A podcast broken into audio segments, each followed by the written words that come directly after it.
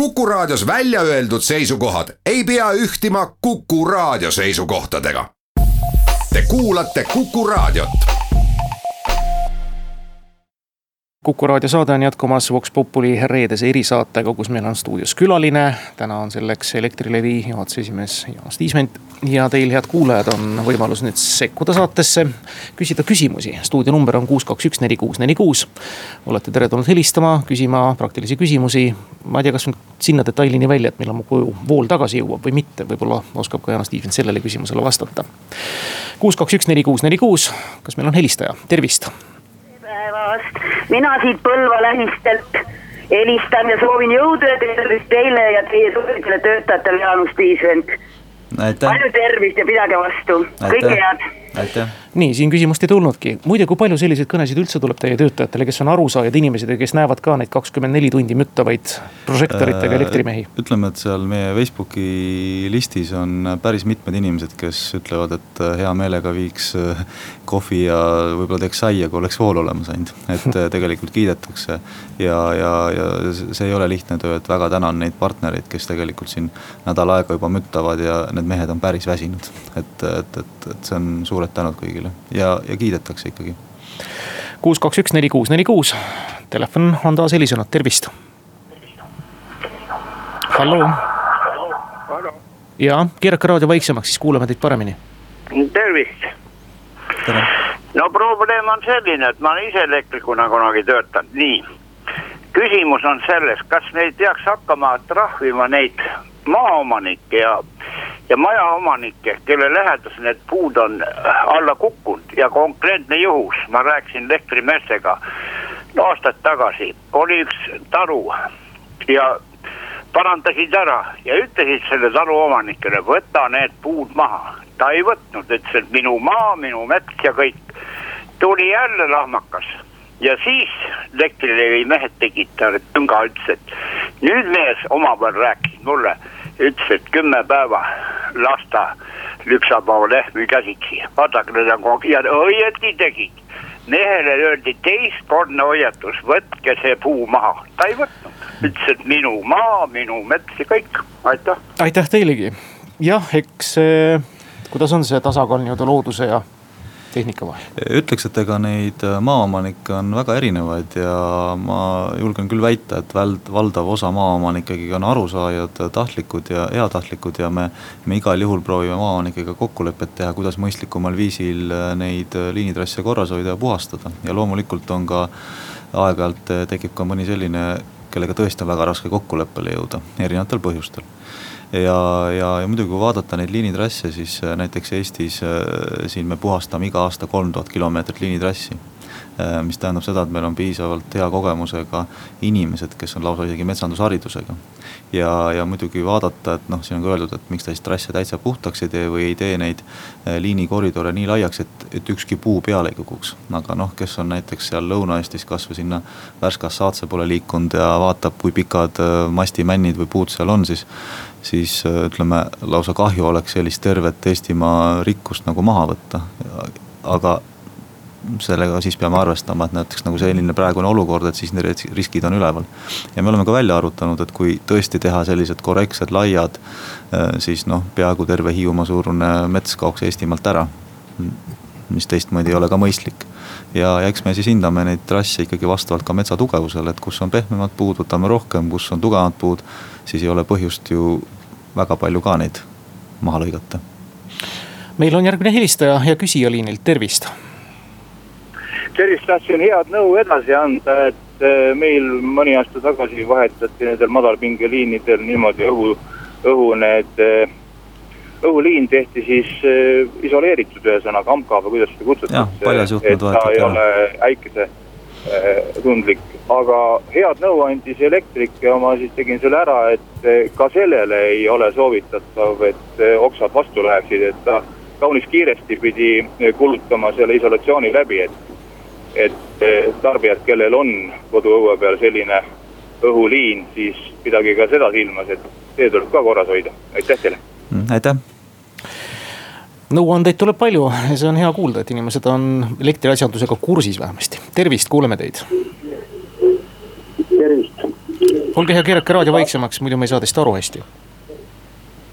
kas äh, tänaseks on äh, teada ja avalikustatakse ka, et kes oli Võrus selle kurikuulsa katuse ehitaja ja kes oli seal ka järelevalve teostaja?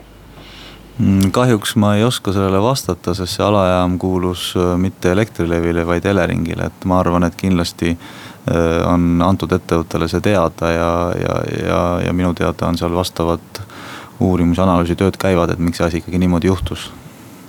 kuus, kaks, üks, neli, kuus, neli, kuus, järjekordne helistaja, tervist. tervist niisugune küsimus, millal Elektrilevi korjab enda trasside alt selle liini vana saasta ära? mis seal kogu aeg vedeleb, ei saa mingit äh, hooldustöid kõrvalt läbi sõita ega midagi, teeääred vedelevad poiste täis ja muud prügi kui teil, kui teil on konkreetne koht olemas, palun saatke mulle kasvõi minu meilile jaanus.iisvend.elektrilevi.ee, sest tegelikult need asjad ei tohiks seal olla ja siis ma päriselt ka uurin välja, et miks nad seal vedelevad, miks nad seal on ja, ja me koristame nad ära kuus, kaks, üks, neli, kuus, neli, kuus, kui selline noh, vana post nõukaaegne on selline pikali kukkunud, kas tavaline inimene endale kütteks võib selle võtta? Äh, üldjuhul on hea ikkagi, kui meie, meie, meile märkkonda viime ära, sest teatud vanad postid on ikkagi immutatud ja me ei tea, mis ja kuidas sealt võib kahjust olla, et noh, et parem on, kui me ikkagi viime ära need asjad, andke teada, julgelt. kuulame helistajat, tervist! Tere, minul sarnane küsimus, et äh, ütleme nii, et erineva turvataseme objektidega koos asumise risk, see on ammu teada asi, et miks serveriruumid paigutatakse sinna, kuhu nad paigutatakse ja miks sõjaväeosa näiteks ei asu kiriku lähedal ja nii edasi. kas see sündmus, mis nüüd juhtus, lisab midagi ka meie energiahiidude riskitabelisse, et kas hakatakse kontrollima, mis toimub alajaama ümber, et ega seal järsku ei ole mõnda kõrgendatud riskiga objekti, aitäh! äh, kindlasti me vaatame iga analoogse sündmuse puhul läbi oma riskitabelid, et äh, ja riskihinnangud, sest noh, üks risk, mida me oleme ka vaadanud ja üle Eesti läbi kaardistanud, on ka näiteks see, kui põhivõrguettevõttel ehk suured magistraalliinid maha kukuvad et, et võib-olla antud äh, juhtum oli hea selline näidis, näidisjuhtum, mille pealt siis uuesti need riskianalüüsid läbi teha ja otsa vaadata sinna. ja, ja loomulikult me vaatame ka teatud teisi asju, et näiteks äh, kuidas on meil siis nende elutähtsate teenustega ja, ja ohtlike või inimelule ohtlike objekt-, ütleme nende oluliste objektidega. et täna näiteks peale äh, peale ka minu eilset äh, televisioonis rääkimist on väga mitmed omavalitsuse inimesed meiega kontakti võtnud ja tegelikult tahaksid äh, ka oma vallas, oma omavalitsuses neid asju uuesti läbi vaadata. et kas need asjad on ikkagi õieti kaaristatud, õieti toimetatud, kas õiged asjad on kirjas ja mis siis tegelikult see elektrivarustusskeemid seal on. et, et, et ma arvan, et see on see on väga hea koht praegu uuesti need kõik lauale võtta. ja, ja see initsiatiiv on igal juhul äge, ma ütleks, et mis täna juba olnud on. nii et sellest kriisist oli ikkagi nii palju kasu, et te olete kohalike omavalitsustega palju paremale koostööle asunud? me oleme koos väga palju edasi läinud, et võrreldes sellega, kui ma ütleks ausalt, mis oli esmaspäeval ja kui ma tean, mismoodi eile tehti ja üleeile juba koostööd tehti, mismoodi need asjaajamised läksid ja mis info täna laual on tulnud, siis. siis tegelikult oleme ikka väga-väga pikk samm edasi tehtud ja, ja, ja noh kurb, kuid tõsi, et ikkagi ütleme, see antud juhul on lahing praegu olnud parim, ütleme treening, et mis on tegelikult toonud välja väga-väga sellised head kohad, mida, mida tasuks nagu parendada. kuus, kaks, üks, neli, kuus, neli, kuus võtab järjekordse küsija vastu, tervist. tere päevast mul on üks küsimus normide kohta, liinide puhastam-, alu, liinide aluse puhastamise normide kohta. näiteks on teada, et äh, madalpingeliini aluse koristamise äh, perimeeter on kaks meetrit kummalegi poole liini. no kujutage ette, ähm, mida saab see kaks meetrit liini alust puhtaks, eks ole, mida teeb siis liini äärne puu, äh, kui tema tahab sinna peale kukkuda? Ja noh, teiste ähm, liinide puhul on need normid ka niimoodi minimaalsed, et noh, mida kommenteerite no kaitsevöönd on selline vöönd, kus on keelatud teatud tegevused, näiteks kõrgemate mehhanismide, kraanade, muude asjadega ja kaitsevöönd on jah, see ulatus, kus meil teatud juhtudel on ka õigus nii laialt need liinid puhtaks võtta. aga, aga me loomulikult igal pool vaatame ikkagi natuke metsa ka, et, et kui on seal ütleme teatud lödimets, siis me igal juhul lähme nii laiaks seda asja tegema, on tugevamad puud siis noh, tegelikult väga käsi ei tõuse korralikku metsa, kus on riskid väiksed, äh, puid maha võtma, teine pool on veel see, et et mis on ka teistpidi õige, et kui on teatud laiusega liinikoridor ja teha ütleme natuke lahjemaks kui teine, siis see puu saab teinekord nii suur hoo sisse, et ta lõhub kõik ära. kui ta on näiteks juba isoleeritud kaablid on, siis ta tegelikult jääb teistpidi ka tihtilugu vastaspoole toetama. nii et seal on omad tehnoloogilised trikid, kuidas siis meie need metsa, metsandusharidusega inimesed toimetavad ja loomulikult on ka selline, et ega. me teinekord vaatame kaitsevööndist välja, et kus on näiteks võimalik näha juba mingi ekstra puu, siis, siis me proovime ka seda maha võtta, aga see alati ei lähe kõige libedamalt. et, et seal on riski hindamisest tulenevalt me lähtume ja, ja, ja proovime võimalikult mõistlikult käituda, sest, sest seal on erinevaid lahendusi, pluss veel näiteks see, et kui me teame, et mingid liinid on meil a la näiteks siin viie aasta investeeringute plaanis. no siis me vaatame ka liinikoridori sellise vaatega juba, et, et me teeme võimalikult mõistlikult, me ei lähe ütleme väga laiaks lammutama, sest kui see õhuliin läheb sealt maha, siis jääb sinna lihtsalt pikk koridor ja suur tee, mis oleks jälle teistpidi kahjulik. et me niimoodi riskide äh, Äh, hindamisel, balansseerimisel vahepeal ja proovime leida ikkagi ütleme ühiskondlikult ja inimeste eraomandi suhtes kõige mõistlikuma tasakaalu sealt. kuus, kaks, üks, neli, kuus, neli, kuus, võtame ühe kõne veel enne tasutud teadaandeid vastu, tervist. Eh, hallo, tervist. mul on eelmise vastuse kohta üks väga konkreetne küsimus, samamoodi eh, eh, liinide hooldamine, liini aluste puhastamine ja kaks meetrit tõenäoliselt ei ole just tänasel päeval mõistlik Äh, minule saabunud kirjas oli see liinialune palju, palju laiemalt äh, pidi ära puhastatama ja sellega seoses on mul küsimus. Äh, kui nüüd vastavalt saabunud paberile tuleks maha võtta kaheksakümmend täis elujõus kasepuud minu isiklikult maalt, siis ma leian, et ei ole väga mõistlik. ja, ja põhjendus on väga lihtne liin on öö, mitte väga ammu asendatud, seal on nii-öelda paljas traatliin, mis läheb siis alajaama ja alajaamast edasi öö, lähevad öö, kaabelliinid. nüüd seesama kaks viimast postivahet, mis alajaamani jõuab kas oleks võimalik selline, selline lahendus leida, et et see viimane kaks postivahet asendatakse traatliini kaabelliiniga ja, ja sel juhul selle äh, liinikoridori äh, laius äh, peaks olema tunduvalt väiksem. Mm, ma antud juhtumit ei oska kommenteerida, aga ma julgen seda väita, et noh, ilmselt kui see teade on tulnud, et need puud tahetakse maha võtta ja oleks mõistlik maha võtta. noh, siis ma julgeksin oma, oma inimesi nagu usaldada, teistpidi on see, et et mis on üsna, üsna, üsna ütleme selline levinud arvamus, et et kui ma siin kuskil ei võta, et paneks ühe väikse jupikese tegelikult kas kaablisse või kaabelliini või siis noh. me ikkagi üritame ka elektriliselt seda võrku ehitada nagu terv-, tervikuna ja selliseid väikseid juppe on nagu paha toimetada seal. ja, ja, ja noh, lõpuks on päris raske nagu võrku üleval pidada, toimetada, kui kui iga sellise tugeva puu juures hakkaks nagu võrku maa alla panema, et noh, et noh, ma toon pragmaatse näite lihtsalt, et üks visang on maal, teine visang on õhus, et. et me proovime säilitada ikkagi ühtset tervikut, et kuskilt pihta hakkab, siis läheb teatud kindla lõiguni, läheb ühes konfiguratsioonis. aga, aga antud juhtumit ma konkreetselt ei tea, et siis ma, mul väga raske nagu kommenteerida. lihtsalt tahaks ühe numbri ära öelda, et Elektrilevi all ja hooldada on kokku kuuskümmend tuhat kilomeetrit elektriliine, see on poolteist korda ümber maakera ekvaatorist tõmmatuna, kujutage ette, aga me kuulame helistajat numbril kuus, kaks, üks, neli, kuus, neli, kuus, tervist hallo. Äh, tervist. tere. Äh, minul oleks niisugune küsimus, tähendab noh, loodusjõudude vastu ei saa, see on täiesti selge, järelikult peavad olema igasugused reservid. ja nüüd äh, kõige totram on ju bensiinijaamadega, bensiin on olemas, aga kätte ei saa, sest ei ole elektrit. Kas Elektrilevil on ka mingisugune selline park noh, generaatoreid, mida saaks häda korral kasvõi vähemalt laiali vedada, sest ma mäletan, ma töötasin ühes organisatsioonis, kes tegeles noh sideasjadega. ja siis me tegime sellise ettepaneku, et kriisiolukordades näiteks meie juures võiks olla üks, üks selline väike ladu, äh, kus saaks siis hästi kiiresti toimetada need reservgeneraatorid just bensiinijaamadesse, sest kui pole bensiini, siis ei saa päästeautod ja siis ei saa need parandajad ise minna. nii et selline küsimus on, aitäh Äh, see on väga hea küsimus ja, ja võin kinnitada, et äh, meil tegelikult sellisteks juhtumiteks on olemas avariigeneraatorid, mida me just selliste keeruliste olukordade puhul kasutame ja. Ja, ja mis teine, mis ma enne ka juhtisin tähelepanu, et me neid generaatoreid äh, paigutame eeskätt selle nimekirja alusel, mis me kohaliku omavalitsusega oleme kokku leppinud et äh, kohalik omavalitsus teab täpselt, kus on bensiinijaamad, veab kokku need ühendused päästeametiga, kus nende kütuse, kütuse saamise vajadused on. ja me teame ise ja me antud tormi puhul oleme ka neid generaatoreid mõnes hooldekodus on olnud, oleme viinud rahva kogunemispaika.